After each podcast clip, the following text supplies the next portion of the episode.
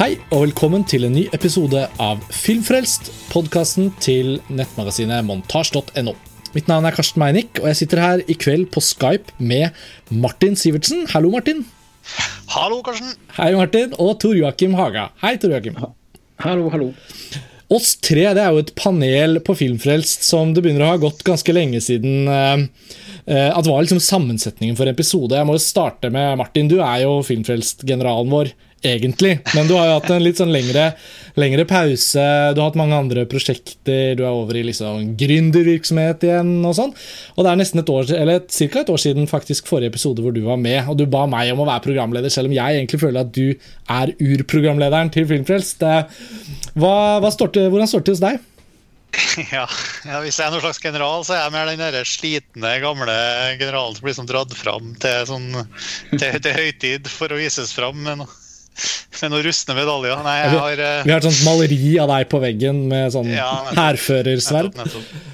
Uh, jo da, det, det er veldig, veldig, hyggelig å være tilbake i, i filmfrelst-modus igjen. Um, det, ikke, det, går jo noen år mellom hver gang, som du påpeker. Det, jeg var jo så dum at jeg for et par-tre år siden slutta den vanlige jobben min eh, som, som fast ansatt i et sånt webbyrå. Og så, eh, og så ble jeg gründer, rett og slett. Så jeg starta et uh, selskap som skulle jobbe med virtual reality, et VR-selskap, sammen med et par kompiser.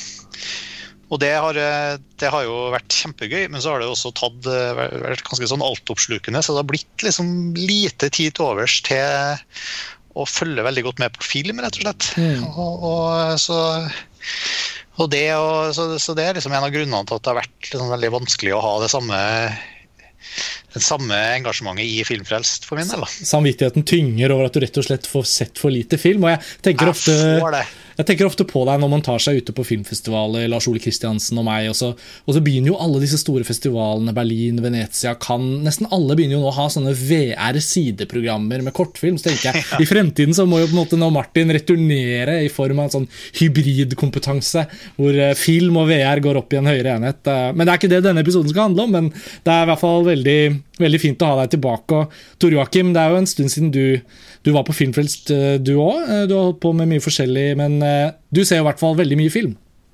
Ja, men jeg har litt, hatt en litt annen sånn innfallsvinkel i år. fordi eh, sånn som I fjor og tidligere år så har jeg prøvd å holde, holde følge med dere. og se, Prøve å se opp alle disse festivalfilmene og anerkjente kunstfilmer og sånn, så jeg kan liksom henge med på referansene. Men akkurat i år, i 2019, så har jeg hatt en litt sånn annen inngang. Eh, I den forstand at jeg har sagt at nei, nå skal jeg bare slappe helt av. Se opp igjen masse filmer som jeg elsker, altså fra Jurassic Park og Alien og alt mulig. Ja. Og se eh, det jeg har lyst på på sånne strømmetjenester som Netflix og sånn. altså Litt sånn uh, lofi, science fiction og horror. Og ikke være så opptatt av hele tiden å få med alle alle snakkisfilmene. Følge hjertet ditt, rett og slett? Ja, litt, litt, det er lenge siden sist. Så jeg har jo, jeg har jo sett uh, i år uh, altså 120 filmer fram til nå. Ja, det er bra. Uh, men det er mye gjensyn og kosefilmer mer enn liksom, de store du, da, da, har vi noe til felles, tror jeg. For jeg, jeg sitter liksom og ser opp gamle favoritter og grunner. Jeg har jo nå fått sønner som er såpass som begynner å komme i sånn film, tenåringsfilmmodus, hvor det er liksom riktig og de er gamle nok til at jeg liksom kan vise dem de, mine gamle favorittfilmer. Ja. Så jeg driver også og ser opp igjen om alt liksom fra det Jurassic Park som du er inne på, liksom, til hele rekka med, med liksom Back to the Future og, og, Matrix og gamle Star Wars-ting og Indiana Jones. og liksom Går gjennom hele hele rekka av, eh, av gamle jeg, Det høres fantastisk ut. Jeg, jeg er foreløpig gjennom alle sesongene av Peppa Gris, eh, så jeg kjenner, at, jeg kjenner, at, det er mer jeg som lærer noe i forhold til det å ha barn. Eh, enn at jeg lærer bort noe. Men, men, dette tar oss jo egentlig liksom til noe av det som var essensen ved oppstarten av Filmfrelst som en podkast for ti år siden, Martin. Og det ligger jo i navnet vårt, Filmfrelst. altså at det har jo noe med, med, hjertet vårt og overbevisningen vår og entusiasmen og lidenskapen som ligger bak veldig mye av grunnutgangspunktet for hvordan montasje og filmfrelst ble til i, i sin tid. Så uh, I forberedelsene til denne episoden så har vi snakket litt om at det er sånn back to basics. da, uh, At i denne episoden, det er rett etter påske, man har kanskje hatt litt tid til å se litt uh, film for underholdningens skyld, eller mer tilbakelent enn en følelsen av at man skal være på ballen, da, sånn som du sier, Tor Joakim, og så returnere mer til Tom du egentlig har lyst til å se. Så, ja. så, så det vi skal nå inn på, er jo litt sånn en, en, en litt sånn uh, lett blanding av noen forskjellige titler, noen forskjellige filmer. Vi har valgt oss ut én film vi alle har sett som er et slags hovedfokus, og vi vil starte der, kanskje. Martin, det var jo du som foreslo denne filmen til meg i hvert fall først. Tor Joakim, du kjente kanskje til den fra før av, men vi skal begynne med å snakke om en uh, science fiction-film som heter Prospect. Uh, den er uh, amerikansk. hadde premiere i 2018 på filmfestivalen South by Southwest. og og gikk litt sånn under radaren, men ble plukket opp i sjangermiljøer og sånn. før den egentlig da ikke har gått på kino i Norge, men blitt sluppet rett på video, som det pleide å hete i gamle dager. Men nå er det da rett på transaction video on demand først, i hvert fall. iTunes, eh, jeg leide den på iTunes og så den der. Eh, Martin, eh, hva slags film er dette?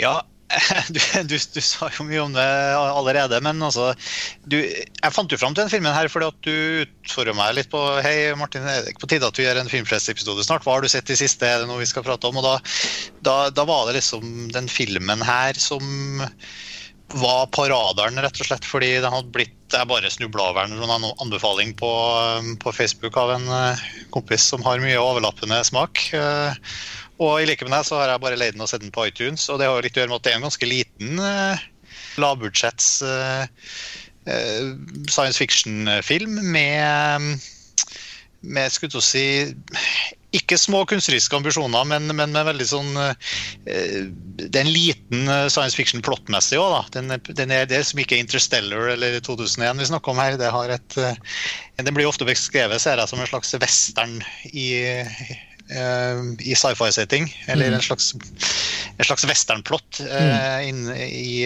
in space. Da. Og det kan, jo for så vidt, kan jeg for så vidt være enig i. Men, for den, den, handler om rent sånn handlingsmessig om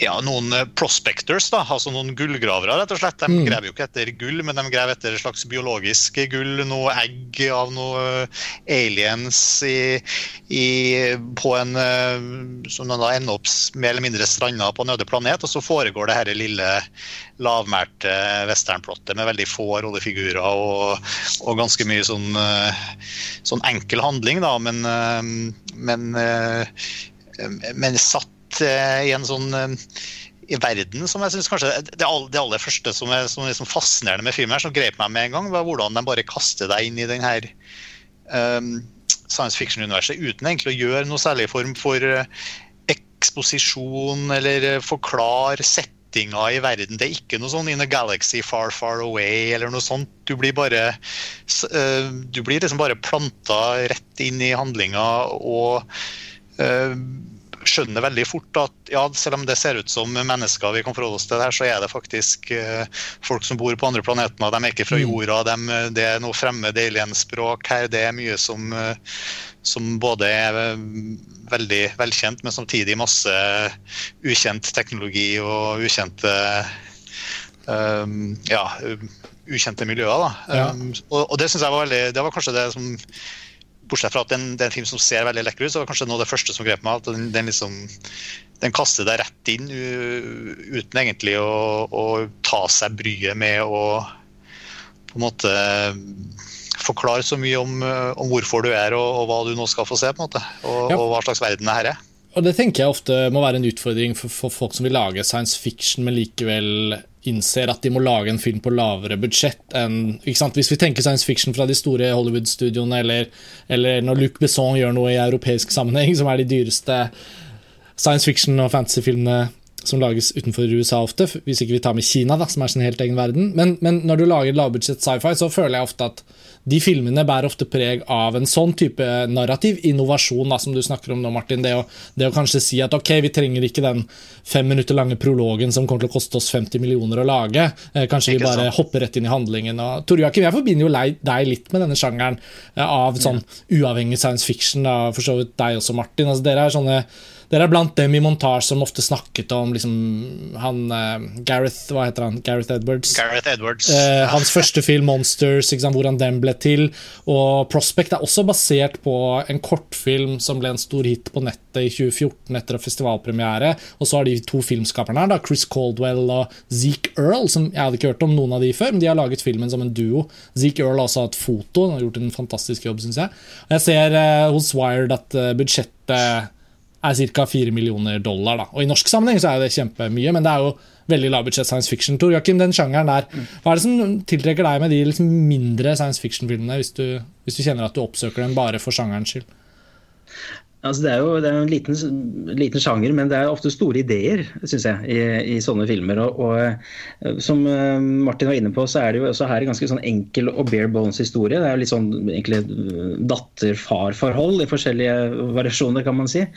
Um, og det er jo, men så bruker de bare det som en sånt utgangspunkt til å uh, utforske denne verden. Uh, og det er jo det, det syns jeg alltid er så fascinerende. Det er når, når det er altså store temaer diskré begravd i en fortelling eller i et visuelt uttrykk, fremfor liksom å hamres inn. Mm. Det, liksom på, sånn som Eksmakene er jo et erkeeksempel på det.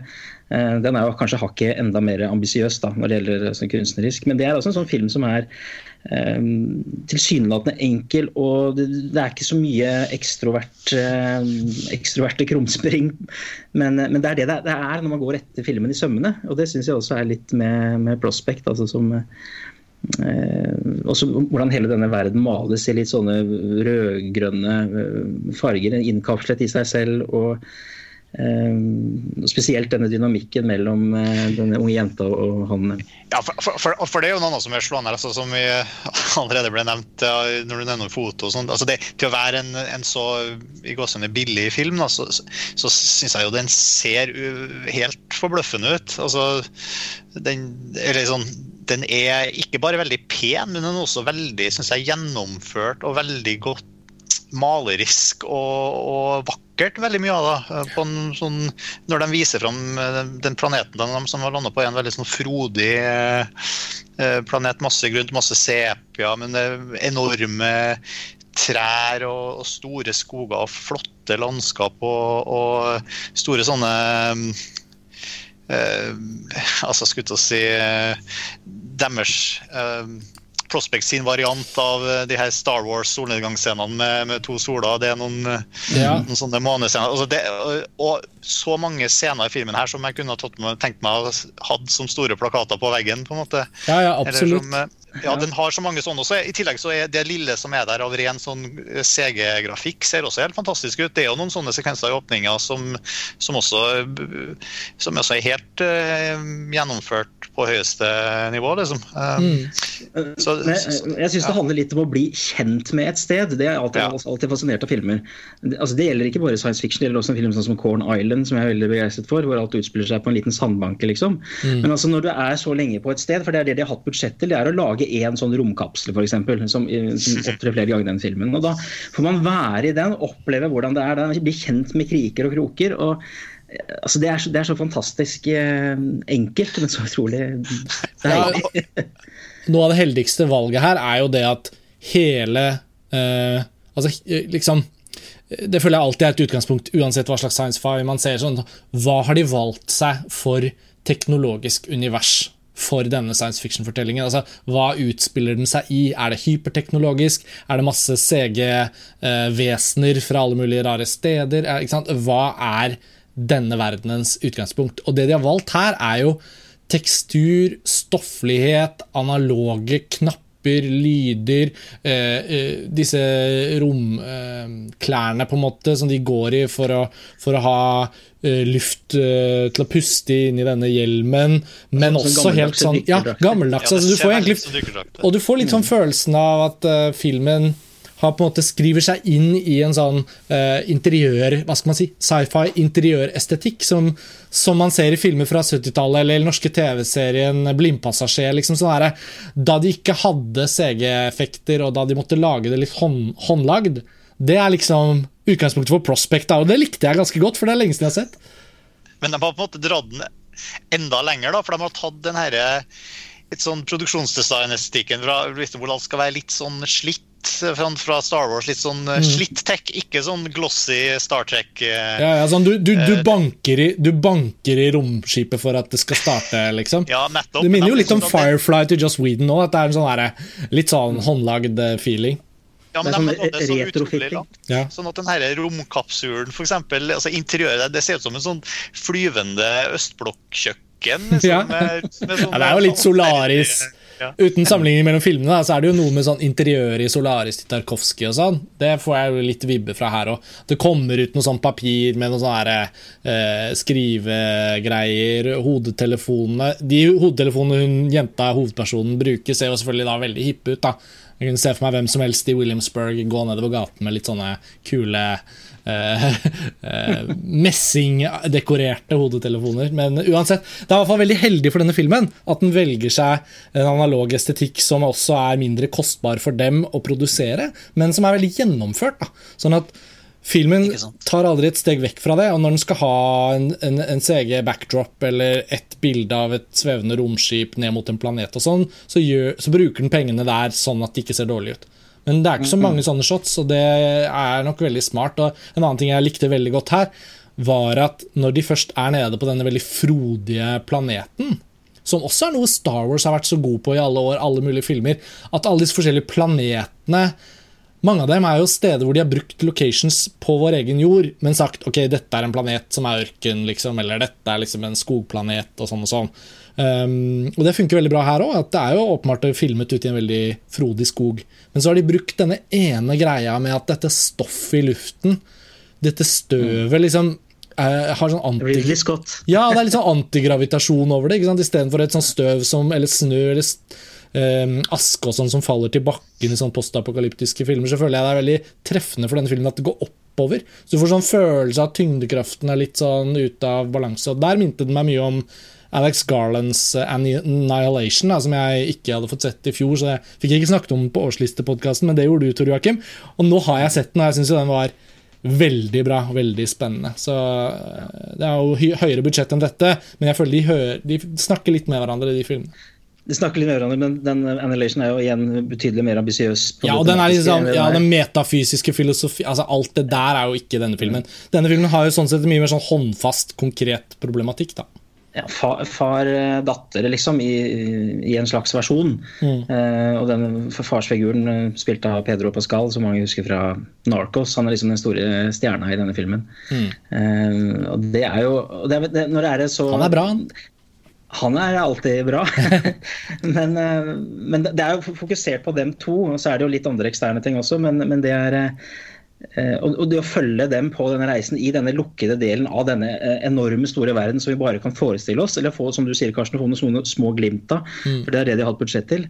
Det er det som, som er liksom kjernen og verdien i denne filmen, synes jeg. Mm. Men jeg likte den, og jeg er glad du trakk den fram, Martin. og dere to har vel eh, oppdaget den separat fra hverandre, men, men, det føles jo ut som en film som har gått veldig under radaren. Jeg, jeg, første gang jeg så tittelen, og så kom jeg bare på at det var samme film da du nevnte den, Martin, det var at Fredrikstad kino har en uh, årlig sci-fi-festival, faktisk. En helg i april hvert år. Og han kinosjefen der, Jørgen Sødberg Jansen, han, han har fortalt at de ofte sliter med å programmere på en måte uavhengige science fiction-filmer som ikke har gått på kino, og som de på en eller annen måte kan trekke frem, for det fins jo ikke så mange av dem. Men Prospect ble vist der eh, for noen uker siden som eh, en, liksom, en originalprogrammering, da. Og så hadde de jo da eh, masse visninger av liksom, Alita og Ready Player One og sant, ting som har gått på kino fra året som gikk. da. Men, så den har fått et lite vindu, men det virker jo som en film som nesten ingen har hørt om foreløpig. Mm. Jeg vet ikke med lytterne våre, men det får vi sikkert høre etter hvert. Etter denne episoden, episoden her så vil alt det endre seg. ja, filmfrelst. Uh, av negative ting så, så, tror jeg egentlig det, det, eneste jeg vil trekke fram, er jo at man, man får jo da et plott på en måte som kanskje er litt sånn by the numbers. Da, at uh, Det er liksom en, en beat true grit. Uh, ja. Og så er, Hvis man tenker på western-sammenligningen, da, og så er det en liten bit av sånn hva skal vi si eh, en, en, en, liten sekvens fra en Star Wars-film hvor de besøker en planet, skal ha tak i noe og drar igjen. Eh, og så, så jeg føler liksom at den har Den har kanskje ikke den absolutt mest spennende fortellingen å følge, men det veier litt opp av at jeg syns karakterene og skuespillerne er bra. da. Men den er, det er litt sånn eh, Ja, den gjør jo også litt ut av det her at det som jeg regner med som kanskje også skjer i en del sånne westernfilmer, men at du eh, Det er ikke bare det far-sønn-greiene, men, men, også det at når du har den settinga som er på en måte et slags sånn lovløst, uh, veldig lite befolka område, så så oppstår det veldig mye altså Når det er så, så få mennesker som, bare, som møter hverandre, så, og det ikke er noe samfunn eh, rundt dem Det blir veldig direkte og, og, og intimt. Det, det, handler da liksom bare om den mellommenneskelige respekten og hvorvidt de menneskene stoler på hverandre og de, det spillet mellom de, da. Ikke bare mellom far og datter, men egentlig mellom alle som møter hverandre her. Eh, enten det, enten det er liksom nomadiske eller innfødte stammer, eller det er de andre uh, gullgraverne som er der, på en måte, eller, eh, eller hvem du nå er. Um, og, og, det er jo litt artig. Noen av de første liksom, virkelige dialogsekvensene her mellom hovedrollene da går de inn i nesten sånn, litt sånn Deadwood Tarantino-modus, hvor de begynner å snakke med veldig sånn utbrodert vokabular og, og liksom mm. Eh, har setninger som, som eh, og, og, en måte å uttale seg på som liksom går langt utover det du kanskje vil forvente ved å se på situasjonen de er med i, og de, de, de, de figurene de er med. Mm.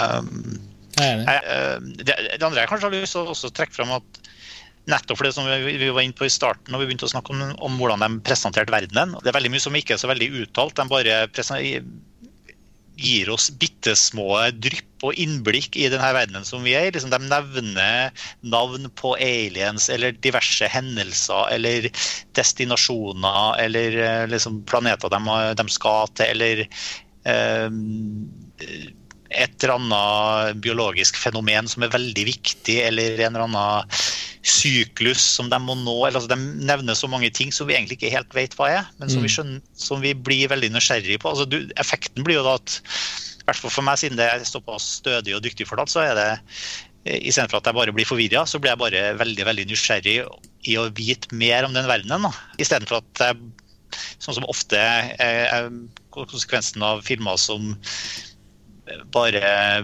bombardere meg med informasjon og inntrykk og, og effekter og forskjellige alienraser og, og masse altså da, hvor man bare blir, ofte bare blir litt matt og lei og sliten fort. Mm. Så er det motsatte som skjer her. Da. Jeg blir på en måte bare sugd inn og får bare lyst til å liksom, bruke mer og mer tid uh, for, å, uh, for å utforske det universet her. Da. Enig.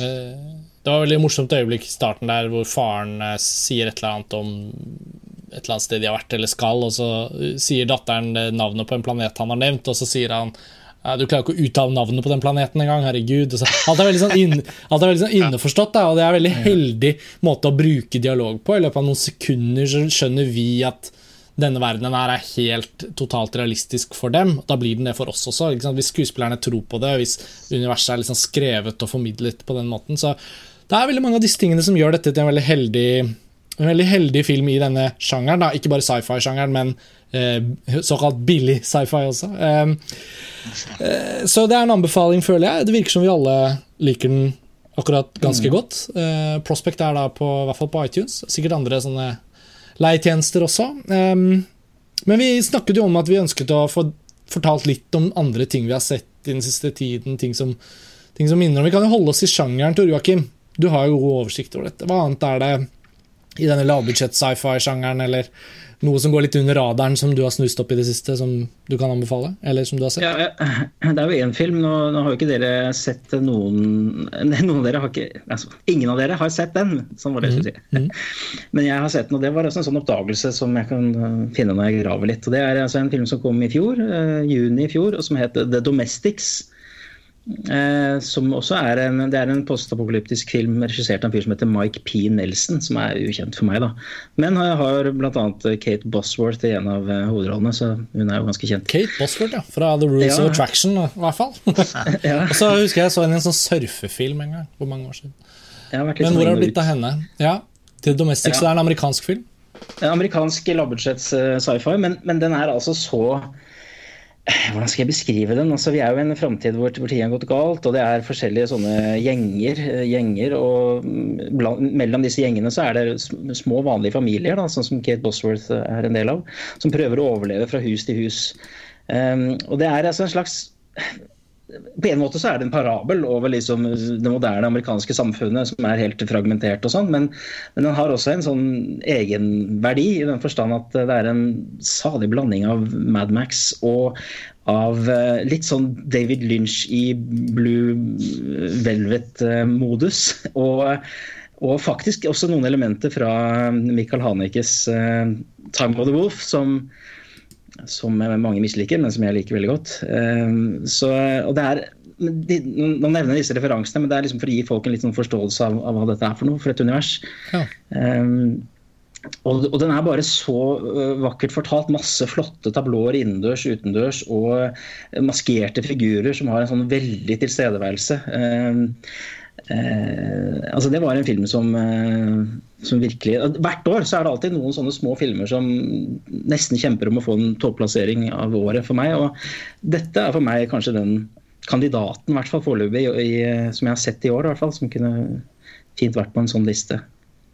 Det står liksom Men, eh, postapokalyptisk som en sånn undersjanger her, og liksom Er det en Grenser den også mot noe sånn science fiction i forhold til liksom resten av universet? og og altså, vesener og sånn, eller er det, går jeg over i spoiler-territoriet da? Nei, det er ikke noe vesener, men det er, det er, jo altså Det er på en måte kjerneuttrykket her. Er det litt sånn Hanrik-aktig, Time of the Wolf-aktig mm. verden? Mm. Og så har de oppi der liksom putta noen sånne gærne gjenger, som i utgangspunktet høres litt sånn utrert ut, men, eh, men løst på en sånn fiffig, diskré måte. Og Samtidig så er det også noen figurer noen, som ikke jeg kan spoile, ja. som snakker og oppfører seg, går kledd, eh, er truende på en måte som, som i hvert fall sendte assosiasjoner til David Lynch for meg, da, og spesielt et par scener fra Blue Velvet. Um, og, eh, nei, det er en ekstremt ambisiøs eh, film altså, som har gått rett under radaren for de fleste. Men som har fått, av de som har sett den, så har de vært veldig fornøyde. Jeg ser den har faktisk 100% approval på Rotten Tomatoes. Um, ja, så Den er jo ikke så lett å få sett, da. Eh, hvis nei. du ikke må tyr til fysisk format. Ja, ja, det er det som er litt av problemet. Det er, det Blu-ray eller DVD altså, du må ha. Den er av en eller annen merkelig grunn ikke blir plukket opp av noen strømmetjenester. for det, den kunne fint sett på, på, Netflix eller noe lignende. En sånn type film. Ja, så, Men det er sterk, sterk anbefaling, i hvert fall. Ja, og det er jo veldig hyggelig for alle vi som er glad i fysisk format, at, at, uh, at, at, svaret på 'hvordan får jeg sett den her', ja, da kjøper du en Blu-ray-disk som gir deg en ypperlig kvalitet, og du kan ha den for evig tid. Og det er ingen som vil kreve penger av deg en gang i måneden for at du skal ha tilgang på den. Så enkelt er svaret. ja. Men uh, hva med deg, Martin? Har du hatt noen uh, oppdagelser um, som du føler er verdt å trekke fram? Eh, vi startet jo med å si at du føler du får sett altfor lite film. Men... Jeg får sett alt for... Jeg kan jo nevne, mens vi først er inne på akkurat den sjangeren og den, den serien her Vi, har jo, vi nevnte jo altså, den her, Jeg har jo ikke sett den uh, Domestics, men uh, jeg vet jo at vi har jo flere av oss sett uh, Du har i hvert fall sett den, tror jeg, Kim, det her IO, ja. som havner litt i samme hører i hvert fall til samme sjanger.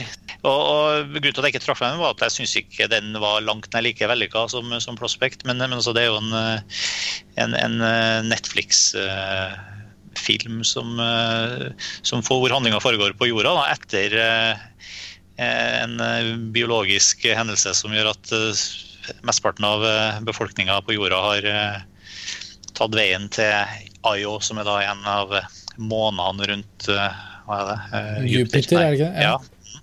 Jeg prøvde å se Det Jeg var i går kveld hvor jeg innså at eh, selv om det ikke Jeg følte ikke at dere akkurat anbefalte den sånn glovarmt, men jeg tenkte eh, jeg skal prøve å se litt av den for å få, få et inntrykk, selv om jeg visste at jeg ikke kom til å rekke å se hele. Og det er også Apropos det at den er på Netflix, og at det er en sånn Netflix-film, så føler jeg også at liksom hele liksom høytideligheten rundt å liksom se en film.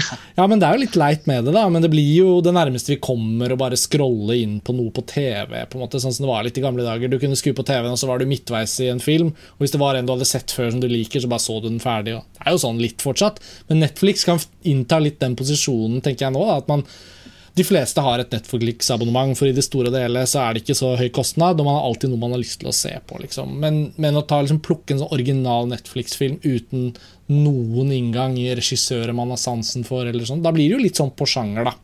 Det blir og, på sjanger, og, og, ja. og, jeg så første halvtimen, og, den, den, den, ga jo veldig raskt uttrykk for hva slags film den var. da og, og, den hadde et mye mer sånn eh, homogent, eh, uoriginalt uttrykk. Den hadde åpenbart hatt litt mer penger enn Prospect, men det betød jo også at den kunne ha droneshots og den kunne ha liksom en del sånne større bilder. Men de så mye vanligere ut, da.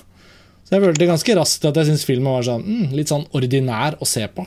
Ja, jeg syns det, var, det fascinerende med filmen var at det på en måte presenterer to forskjellige verdener. Den veldig sånn dystopiske bysetningen, badet i rødt og blått og, og, og mørkt. Mm. Og, og, en, det, og, en, litt sånn mer naturverden eh, på toppen av et fjell.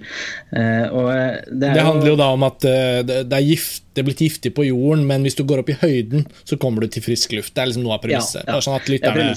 Vet, altså Premisset er jo også litt sånn alla hvis noen kjenner til I am a legend. altså Den, den type premiss. Siste mann på jorda, på en måte. Um, så, og, men, men, gjort på en uh, hvert fall synes jeg en veldig sånn fokusert og fin måte. og Spesielt uh, dragkampen mellom disse to verdenene. Og hennes, uh, denne hovedpersonens forsøk da, på å overleve syns jeg er Altså, det, det, dro i hvert fall meg veldig inn i dette her. Jeg er jo en sånn person som som du sier, Karsten, um, går etter sjangere og ser gjennom alt, nesten av sci-fi og horror på, på Netflix, eh, i håp om å finne gullkorn. og Kanskje ikke et sånt kjempegullkorn, dette her, men definitivt en film som, eh, som, er en nydelig sånn mood piece. Altså, hva heter det på norsk? Altså En sånn stemningsstykke. Ja, Men føler du ikke at Prospect er enda mer stemningsfull? Jo. Um, Men den koster 49 å leie, da. Og så IO er liksom på Netflix, som man allerede betaler for. ja, Prospect er mindre og mer fokusert, da, kanskje. Ja, ja, ja det er sant.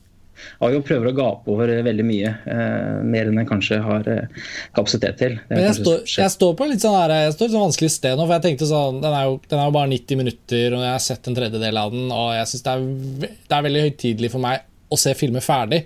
Jeg mm. forlater nesten aldri en film bare sånn. Jeg syns ikke den filmen ble mer interessant utover. Nei, for det var det jeg skulle til spørre. Altså, Idet han fyren dukket opp, da, det er jo ikke noe spoiler, men det, liksom, hun hovedpersonen er på en måte alene på jorden. og så, Det er ikke sånn at hun er helt alene, men hun, vi blir kjent med henne alene. Og så, når det dukker opp en fyr, så var jeg sånn Ok, nå skal det skje noe. Og så kjente jeg litt at filmen også ble litt flat da. Ja, Den fisler litt ut, den gjør det mot slutten, men, eh, men, men verdt å se en god time så er det bare Hvis du, liker filmer som bare rett og slett uh, hensetter deg da, til en verden, ja. så, så, følte jeg at jeg virkelig var, var hekta der. Ja. Um, jeg er ikke så kritisk til uh, altså Det er mye dritt på Netflix, men jeg, jeg, jeg, står ganske hardt på det at det finnes gullkorn hvis man uh, leter. Ja, men jeg, men jeg, tenker at det er jo, som vi har vært litt inne på nå, så kjenner jeg jo liksom at det er jo også veldig viktig å huske på den biten av liksom filmhjertet sitt som egentlig bare er en en person som lener seg tilbake enten for seg selv eller med familie eller venner og liksom bare skal på en måte kose seg med noe eh, som er en underholdning. Og da har man ofte sjangere som interesseområder. Altså Hjemme hos meg så er det veldig sånn samboeren min har sine fokusområder som hun virkelig liker. Og Da kan hun ha kjempeinteresse av å scrolle seg frem til en film som jeg syns ser helt uinteressant ut. Men for henne er det eh, en kul film eller en bra film å se fordi den fyller ut et sånt sjangerlandskap som hun uansett har lyst til å gå inn i. da. Om det er, mm. Eh, ja, det kan jo være samme hva det er. Uh, og, og, her føler jeg liksom at uh, jeg er ikke like god som dere, eller i hvert fall deg, Tor Joakim, som ser masse å ta det der lille, eh, mer nysgjerrige steget inn i noe som kanskje ikke har vært på en av de store festivalene, eller kanskje ikke skal på kino, men som likevel egentlig kanskje er en bra film. da. Så for meg var Prospect nå en sånn oppdagelse i den gamle sjangeren. Litt mer sånn som det var da videobutikken fantes, og man liksom gikk rundt, og kanskje han som jobbet der, eller hun som jobbet der, tok ut et kassett og sa den her burde du se. Og så er det kanskje noe som ikke har gått på kino og fått noen anmeldelser. Og, og Det er jo liksom synd nå, da, at Prospect er jo ikke engang en film som liksom har fått en eneste norsk anmeldelse, som jeg har kunnet se, i hvert fall. Og, Og likevel så er den tilgjengelig, da. I havet av ting på iTunes, liksom. Så, så ligger den der og venter. Så, men men òg er jo enda mer tilgjengelig nettopp fordi Netflix-knappen er rett der i hånda hos de fleste. Um, Men ja. Jeg har lyst til å komme Jeg har jo Jeg er lov å komme med en Altså, jeg har jo Som jeg ikke sett så mye film, så har jeg fått sett litt TV-serier. ja, men altså Og, og jeg, for jeg, bare for at jeg skal bidra med noe her som kanskje er litt uh, utenfor det vanlige, så har jeg, altså, jeg har sett én TV-serie det siste året som jeg ble veldig begeistra for. Som var en ny, ny oppdagelse som, uh, som ikke er science fiction engang. Ja, få høre. Uh, og for at jeg snubla har kommet i fare for å bli abonnent på Amazon Prime. jeg vet ikke om noen av dere har tilgang på det? Nei, ikke ennå. Men jeg innser jo at Ja, jeg innser jo at det kommer til å gradvis bli mer og mer originalt innhold der som man kanskje har lyst Ja. til å se. Der er det en del bra. Men blant annet så eh, er det en serie her som heter Patriot. Og den var virkelig noe av det mest eh, både morsomme og eh, fascinerende jeg har sett på, på veldig lenge. Altså. Det, det er en eh, Det er en veldig sånn mm, Ganske mørk komedie, egentlig. Som, som handler om en, en amerikansk undercover etterretningsagent planta i, i Europa. Men eh, sjefen for eh, hans overordna i et, det amerikanske etterretningsvesenet er faren hans. Og, og det er sånt, eh, det er i tillegg et slags eh, det, spiondrama, samtidig som det er et, et eh, familiedrama. Og eh, det er litt vanskelig å sette fingeren på og liksom forklare hvorfor, hva som gjør det her, den serien så morsom, men den er også stappa full av eh, veldig eh, herlige figurer og en eh, helt sånn helt spesiell form for, for komikk, da, som jeg, som jeg rett og slett falt ganske pladask for. En litt morsom, morsom versjon av The Americans, på en måte. Det er en slags morsom versjon av The Americans, ja. For du har heller ikke sett den, Tor Joakim? Nei, jeg ikke Nei, jeg har ikke det. Martin, du nevnte den jo da her om dagen, og så så jeg traileren, og, og jeg syns jo det så absolutt interessant ut. Og det eneste jeg følte det kunne minne meg litt om, var litt sånn burn after reading til Coen-brødrene. Som også utspiller seg i sånn myndighetsapparat, eh, agenter, ditt og datt, men også noen sånn håpløse idioter som, som gjør teite ting, men det blir morsomt av det. Ja, eh, og det, det høres kanskje ikke superfascinerende ut når man får det beskrevet. Jeg, var bare, jeg vil bare ha, liksom, ha satt det på radaren da, for folk som kanskje er på jakt etter noe. Altså, det er mye mer eh, Den er mye mer fascinerende og interessant enn den kanskje høres ut. Selv når du leser det bare ved å lese en beskrivelse av hva den handler om, eller høre meg snakke om det. Så, så jeg vil bare komme med det som en varm anbefaling. Da. Ja. Den så vi trenger er, å gå noe, gå noe mer i dybden på det. Ja, men altså, For å snakke litt om tilgang, da. Altså, vi har allerede vært inne på Netflix, alle vet jo hvordan man får sett abonnement der. Men det, eh, Amazon Prime, altså, pff, hva ligger det på som en slags Er det da Er det Det samme? er samme. Det er den 100 kroner i måneden-aktig? Ja. Vi vet jo at Amazon er en kjempeaktør nå også på innholdssiden, og dette skjer jo nå eh, det form- Homecoming, ja. ja, og det, og det former jo Det former jo ikke altså En ting er serier, og det er ikke noe sånn Det er ikke giftig å ta opp en serie, Martin, selv om jeg vet at du vet, og vi vet, at det er et poeng for eh, oss i montasje å forsøke å holde fanen høyt på vegne av filmen, men veldig mange av disse tjenestene vi snakker om, har jo veldig mye film òg, som vi akkurat har vært inne på. Og vi alle ser jo i større eller mindre grad serier og filmer litt sånn oppå og om hverandre. Men det interessante i tiårsperspektiv fra nå av, er jo hvordan disse tjenestene vi nevner også kommer til å ha en enorm rolle å spille i forhold til forflytning av penger. Da. Penger til å produsere en film eller serie kommer nå i større og større grad fra disse tjenestene, og de forventer eksklusivitet til strømmeplattformene som de ønsker at vi skal abonnere på. Og Disney skal jo slippe sin egen strømmetjeneste i slutten av året, og de har kjøpt hele 20th Century Fox. Eh, Så da blir plutselig alt Disney, Marvel, Lucasfilm Fox, alt det blir liksom ett sted. Og så har du Amazon, som skal ha oss til Prime, og så har du Netflix, og så har du HBO, Warner og så, så på en måte, Ikke å gjøre det en sånn her eh, bransjeprat, altså, men um, Tor Joakim, du vet, både du og jeg har lest en sånn syrlig kommentar i Morgenbladet nylig om at Netflix-film er en sånn Ifølge Gaute Brochmann, arkitekturkritikeren i Morgenbladet, som pleide å være filmkritiker i Natt og Dag, har skrevet en sånn uh, syrlig gjennomgang av fire Netflix-filmer han har sett, og han mener liksom at den såkalte Netflix-filmen er en sånn forferdelig algoritmebasert sjanger hvor alt er like forferdelig grusomt og dårlig og uthult og sjelløst. jeg kan ikke si at jeg var akkurat enig med han, men, ehm, men det var på en måte litt, litt morsomt å lese bare at, at, at ehm, for noen så, så forsvinner et eller annet, og, og da, da, ser man på en måte problemer i alt. da. Men, men, mm. men for å forkorte det resonnementet ned til et eller annet, er vi Altså sånn Denne Patriot på Amazon Prime, liksom, Martin. Føler du at du er den eneste som har sett den? Er det en tjeneste som du føler at når ut uh, bredt i Norge? Har man liksom et felles grunnlag, eller blir vi alle sittende og se på bare det vi liker i hvert vårt hjørne? Og så, og så er det bare Game of Thrones liksom, og Marvel-filmene som man har til felles? Har du lyst til å prøve å svare, Martin? Ja, altså Jeg, jeg trakk jo frem den også nettopp fordi at det ikke er en av de veldig store profilerte seriene. Altså, det er liksom ikke Amazon sin Game of Thrones engang. Nei. De har andre serier som er mye De har liksom The Man in the High Castle, og de har uh, American Gods og my, mye større, langt mer påkosta uh, produksjoner som på en måte er, er, er mye Som er det første du blir som folk kanskje vil trekke fram hvis man tenker på Amazon Prime. Litt sånn som HBO har, liksom, har et par store flaggskipsserier, dem òg. Mm.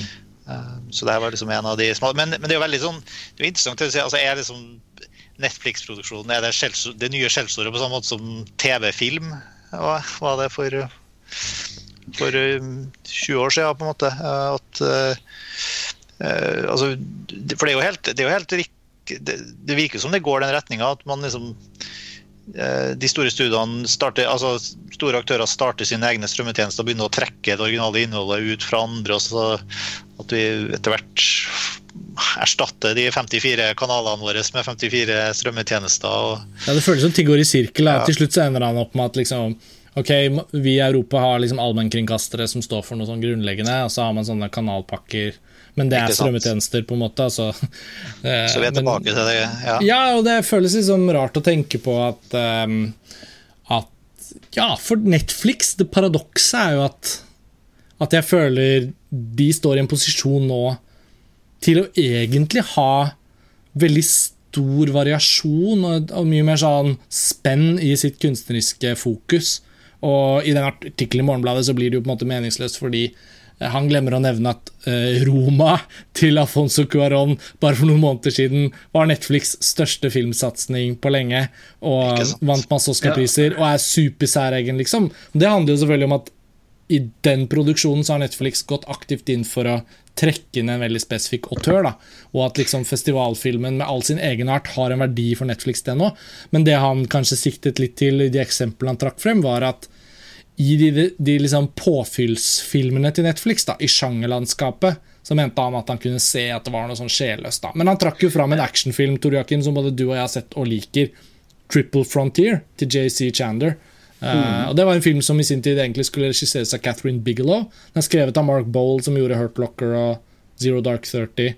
Uh, eh, mm. og, og, den var jo på alle mulige måter en film som hadde et typisk sånn kinofilmpremiss. Og jeg syns jo ikke det var borte i filmen, eh, selv om den er på Nei, Netflix. Eh, nei, det, det, og det syns jeg også at man glemmer å ta høyde for i den artikkelen. At det er jo Selv om en film ser ut som en sånn uh, klassisk sjangerproduksjon på Netflix, så er det ofte store navn bak. Altså, vi husker jo Bird Box for kort tid tilbake, og Susanne Bier, som faktisk var en ganske god film.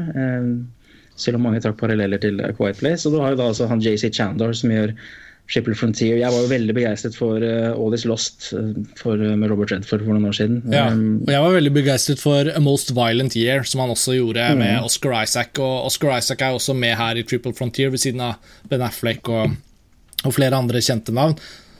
Og jeg synes jo Den var Den var jo egentlig en litt sånn old school actionfilm som jeg lurer på hvorfor man ikke ser på kino oftere.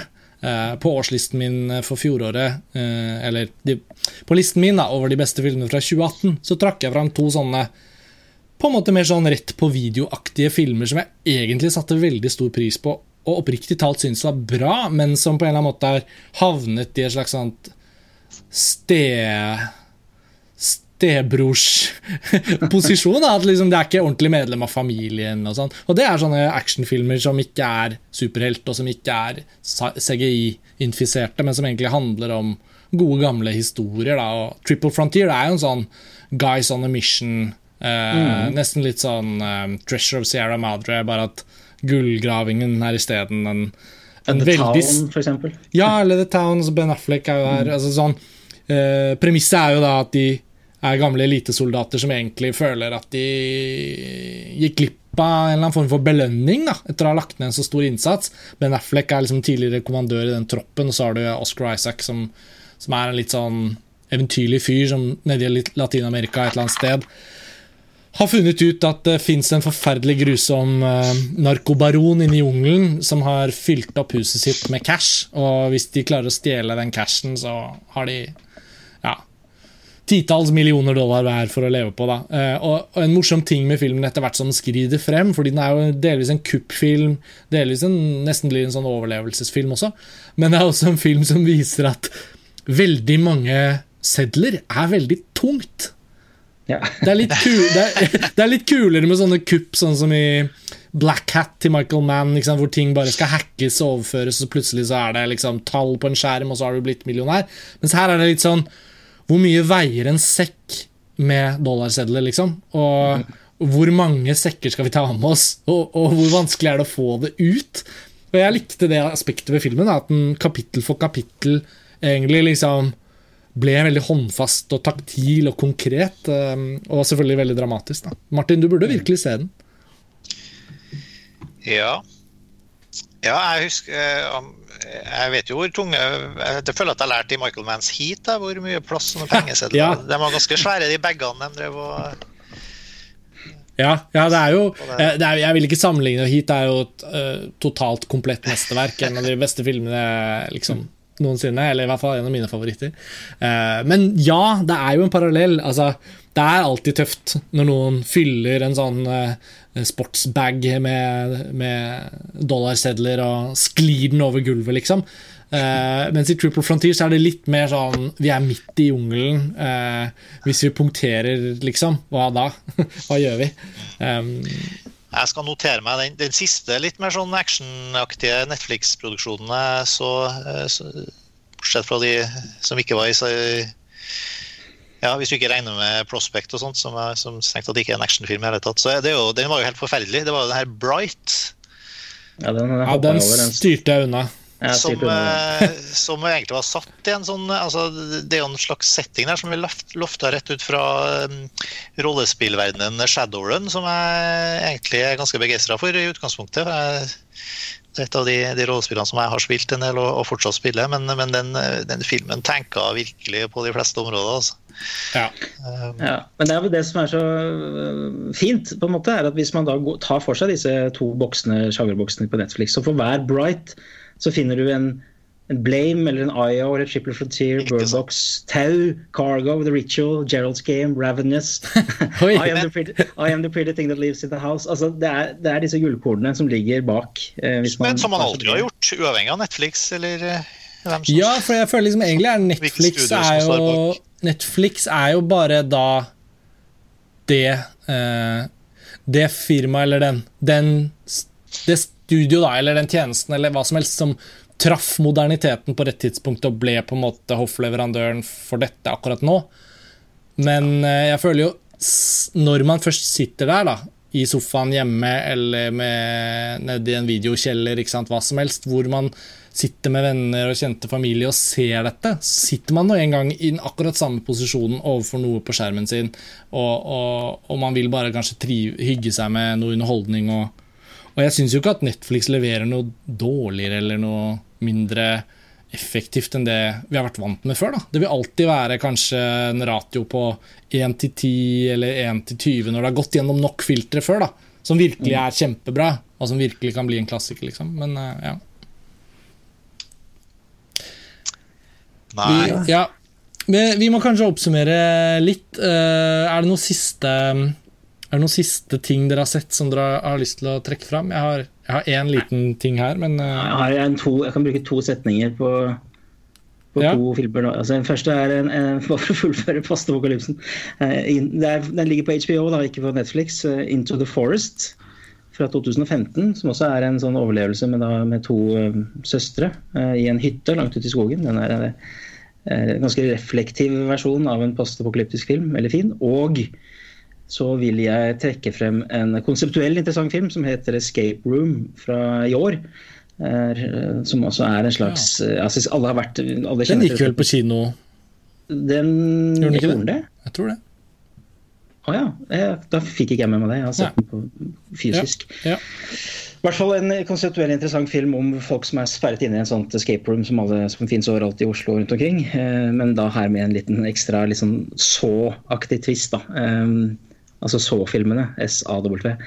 Um, så um, Ja, nei, jeg skal ikke snakke så mye om dem, men eh, de to syns jeg var også verdt å trekke frem i denne litt sånn indie-sjanger-podkasten som det jo nesten har blitt. Ja, det har nesten blitt det litt. Um, jeg vet ikke om min, uh, min, lille film kan passe helt inn der, men uh, Den senegalesiske regissøren Osman Semben. Hans gjennombruddsfilm fra 1966, 'Black Girl', eller 'La Noire Deux', som den egentlig het, eh, er en eh, film som i disse dager vises på de digitale cinematekene i Norge, og som har vært eh, restaurert av Martin Scorseses stiftelse. Blitt lansert på Blu-ray i Storbritannia av BFI og i USA av Criterion. Og denne filmen har liksom for meg den siste måneden vært et sånn vindu inn i han Osman Semben sin filmografi, og bibliografi for øvrig. Og på montasje nå så ligger det ute en artikkel jeg har skrevet om Black Girl, eh, og litt om Osman Semben. Og jeg vet at dette er da selvfølgelig veldig off topic for denne episoden. Men jeg bare følte jeg hadde lyst til å bare trekke den inn som en sånn ting jeg har sett, men også som noe jeg har tenkt mye på og holdt mye på. Eh, og det hører til sjangeren sånn når man først begynner å se film, enten i en sjanger, eller fra en regissør, eller fra et land, eller fra en epoke, som man ikke helt har, har prøvd på før, og begynner å liksom dykke inn. altså Hvis du ser én, så blir du litt mer nysgjerrig, og så ser du den neste, og så blir du enda litt mer nysgjerrig. Og plutselig finner du en hel verden du kan eh, lære mer om, da, og gjenoppdage ting du aldri har eh, blitt eh, tipset om før. Og jeg må si jeg syns det har vært en veldig spennende virkelig spennende. Og jeg tenker hvis man er eksepsjonelt uinteressert i verdensfilmen, så høres det kanskje ikke ut som en anbefaling å si at uh, Um, Osman Sembens senegalesiske filmografi, som starter midt på 60-tallet og går helt opp til 2000-tallet. Der er det mye gull å finne og hente, men det er det faktisk. Eh, og hvis noen er litt nysgjerrige, så håper jeg kanskje dere tar dere tid til å gå inn på montasje og lese artikkelen om Black Girl og kanskje se den filmen. Da. Den er bare 60 minutter lang, så det er, veldig, det er som én episode av en TV-serie. Liksom. Og Da får man et lite innblikk eh, i en filmkultur, da. Den uh, filmkulturen sør for Sahara i Afrika som som man ser veldig veldig lite til fortsatt. Ja, jeg, jeg satt og tenkte på det. Jeg kom vel bare på han eh, Sisako. Eh, ja. Det er ikke så mange andre. Ja, og Ben var jo regnet som en av de første, egentlig, som var eh, selv en sort afrikaner som faktisk skrev og regisserte filmer. Eh, fordi vi, vi, har jo selvfølgelig nordafrikansk film, men det blir jo på en måte da tilhøre den arabiske filmkulturen. Så nei, det fins ikke så mange. Fortsatt fins det, det, veldig få som er tilgjengelig å se på, på stort lerret i Norge. Så det føles faktisk som en veldig sånn sjelden anledning. da. Og heldigvis, vil jeg si, så var det veldig mye spennende å finne ut av om han. Han hadde skrevet romaner, jeg fikk tak i en av dem ved å fjernlåne fra Karmøy folkebibliotek, hvor norsk oversettelsen utgitt i 1976 var på magasinet. Og det viste seg å være en veldig bra bok. Eh, så det har vært en sånn skikkelig oppdagelsesreise. Jeg følte jeg måtte bare nevne det. da. Kanskje noen av lytterne ikke har fått med seg denne artikkelen, og, og at det er en mulighet til å gjøre noen oppdagelser. Jeg syns det der godt kunne ha vært en sånn stripe på Netflix. Eh, sånn Sub-Saharan-films. Ja, men hvorfor ikke? Det, det, hvorfor, det er en glimrende anledning til å presentere det men, men, men, det morsomme er at uh, altså, Nå er det litt sånn ormehull her, altså, Martin, men en, en, en, ja. morsom, en, morsom, ting som faktisk er tilfellet, er jo at Netflix hoarder jo originalproduksjoner fra rundt omkring i verden. De har jo abonnenter fra alle mulige land. Og det som er av lokalt innhold fra små, rare land rundt omkring i verden er også på Netflix. Men fordi vi er registrert i Norge, har sett det vi har sett, så algoritmene gjør jo at vi bare får se hva, vi, hva de tror vi vil se. Men Ja, hvis man plutselig eh. Nettopp, men hvis du plutselig Ja. har et navn, da, eller en tittel, så fins jo faktisk veldig mye. Jeg vet at det er en del nigeriansk film, for eksempel, på Netflix.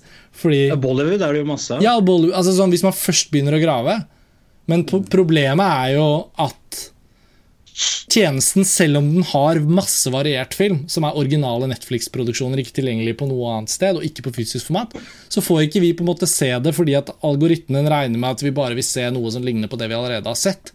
Og sånn blir liksom Og det er kanskje det som også er han Gaute Brochmann i Morgenbladet sitt problem, at på en eller annen måte så har algoritmen fanget han i en viss type film som han føler at er homogen, men som ligner på noe han har sett før. Og Det er også grunnen til at han ikke liker det.